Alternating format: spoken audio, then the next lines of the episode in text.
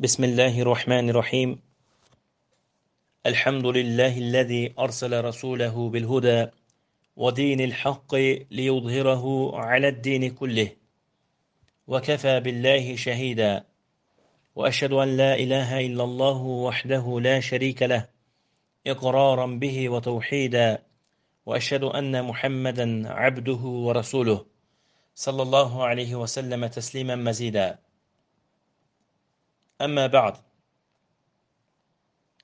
Əziz qardaşlarım,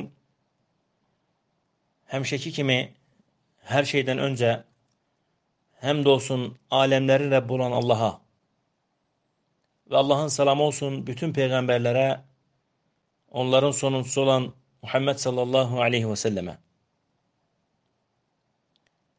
Allah subhanahu və teala'nın gücü və qüvvəti ilə bu gündən etibarən silsiləvi əqidə dərslərinə başlayırıq. Allahdan diləyirəm ki, Allah subhanahu teala bizləri sözlərimizdə və əməllərimizdə ixlaslı olan qullarından etsin. Əmin. Lakin kitaba başlamamışdan öncə ləbuddur ki, bir neçə məsələni örgənək. Kitab haqqında bir mənada qısa bir müqəddimə edək.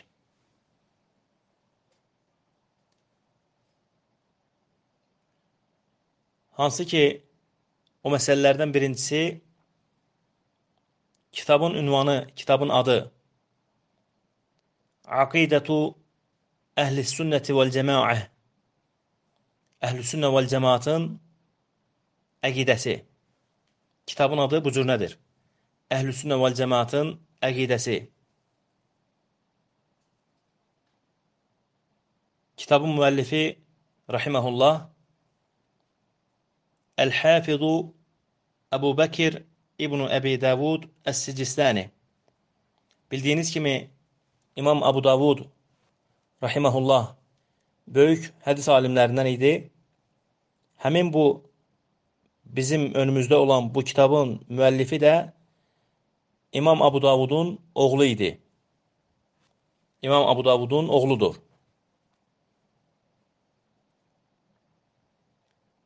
Əbu Bakır Əs-Sicistani rahimehullah bir neçə bənd şeirlə, nazımla Əhlüsünnə vəl cəmaatın əqidəsini cəm edib.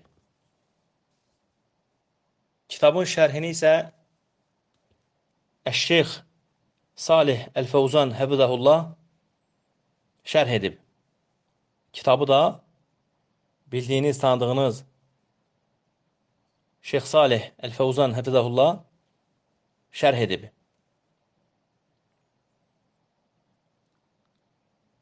Ümumiyyətlə, əqidə nə deməkdir? Tövhid nə deməkdir? Niyə görə tövhidi öyrənməliyik?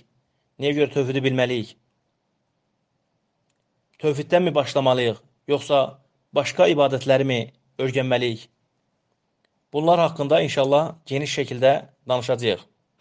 Lakin müqəddimə olaraq bir neçə məsələni istəyirəm ki, Allahın izni ilə sizinlə bölüşəm. Uca Allah şərəfli kitabında buyurur ki: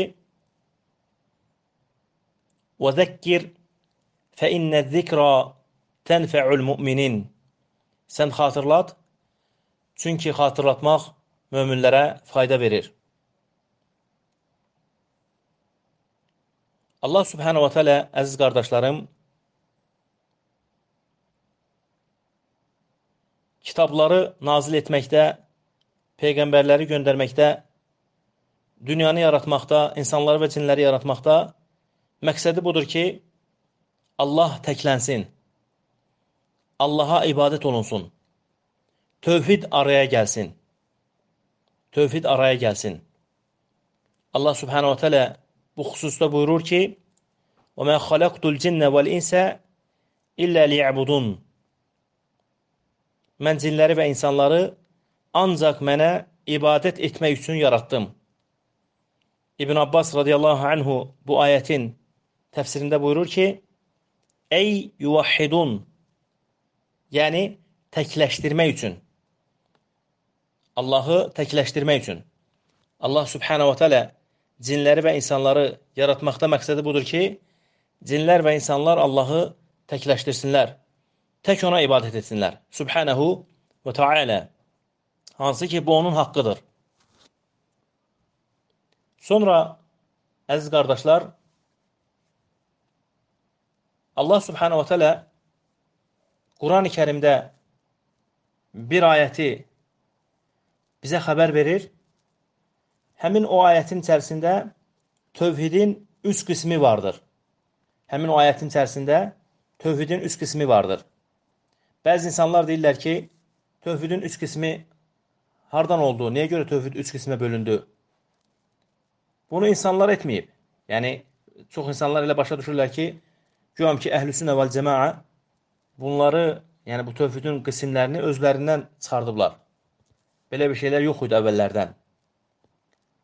Nədir ki, İbn-i Useymin rahiməhullah e, Qavaidul Muslə kitabında buyurur ki, nədir ki, namazın və zəkatın, həccin, orucun əhkamları olduğu kimi, fərzləri, vacibləri, müstəhəbləri olduğu kimi, tövhidin də bu cürünə mərhələləri vardır.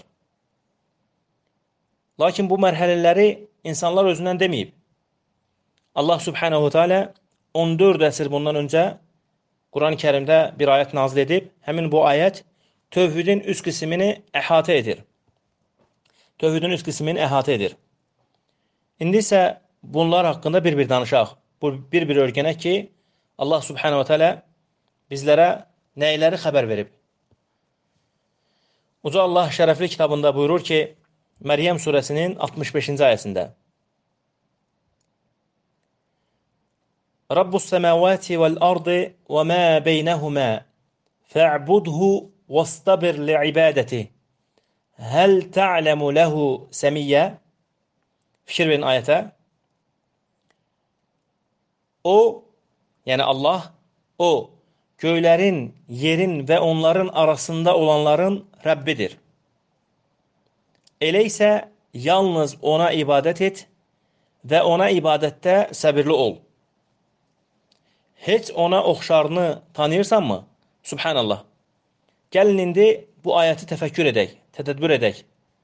Baxaq ki, həqiqətən tövhidin üç qismi bu ayətin içərisində varmı, yoxsa yoxdurmu? Fikir verin, Allah subhanahu wa ta'ala birinci qismində buyurur ki, Rabbus səməvati vəl-ard və mə beynəhumə. O, göylərin, yerin və onların arasında olanların Rəbbidir. Bu, bu, bu rububiyyət tövhidi. Bu, tövhidin birinci qismi rububiyyət tövhidi. Sonra buyurur ki, Subhanahu Teala Fə'budhu vastabir li'ibadəti Elə isə yalnız ona ibadət et. Fikir verirsiniz? Elə isə yalnız ona ibadət et. Və ibadətdə səbirli ol və ona ibadətdə səbirli ol. Burada da fikir verdiniz, Allah Subhanahu Teala uluhiyyət tövhidinə işarə edir.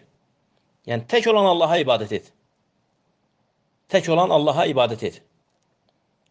Sonra buyurur ki, Subhanahu Teala, Həl ta'ləmu ləhu səmiyyə Heç ona oxşarını tanıyırsanmı? Heç ona bənzərini tanıyırsanmı? Necə ki, Allah Subhanahu Teala başqa surədə, başqa ayədə buyurur ki, Leysə kəmislihi şeyun və huvəs-səmi'ul basir. Allahın bənzəri, oxşarı yoxdur. O eşidəndir, görəndir. O eşidəndir, görəndir.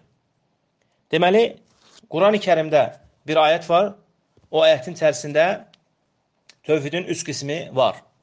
Əslində bunu deməkdə, bunu oxumaqda, bu ayəti oxumaqda, seçməkdə məqsədim nədir? Allahın izni ilə. Məqsədim odur ki, biz inşallah ki, tövhidin üç qismi haqqında danışacağıq. Rububiyyət tövhidi haqqında, uluhiyyə tövhidi haqqında və ad və sifətlər tövhidi haqqında. Kitab da elə əslində bu tövhidin, tövhidin bu qismlərindən bəhs edir. Kitab da Allahın izni ilə tövhidin bu qismlərindən bəhs edir. Allahın gücü qüvvəti ilə gələn dərslərdən kitaba inşallah ki, giriş edəcəyik. Hər dəfə e, şeirləri, nazımları oxuyacaq və tərcümələrini edəcəyik Allahın izi ilə və şərhini edəcəyik. Uzallahdan diləyirəm ki, Allah subhanahu wa ta'ala eşitdiklərimizi bizim üçün faydalı etsin. Allah subhanahu teala bizə faydalı elm öyrənməyi nəsib etsin. Uca Allahdan dilərəm ki, Allah subhanahu wa ta'ala bizə onun dinini gözəl şəkildə öyrənib, öyrədənlərdən etsin və həmçinin tövhidi gözəl şəkildə öyrənməyi bizlərə nəsib etsin. Hansı ki, bizim biraz öncə dediyimiz dediyim kimi yaradılış qayəmiz budur ki, Allaha ibadət etmək. Tək olan Allaha ibadət etmək, Allahla yanaşı olan bütün məbudları rədd etmək.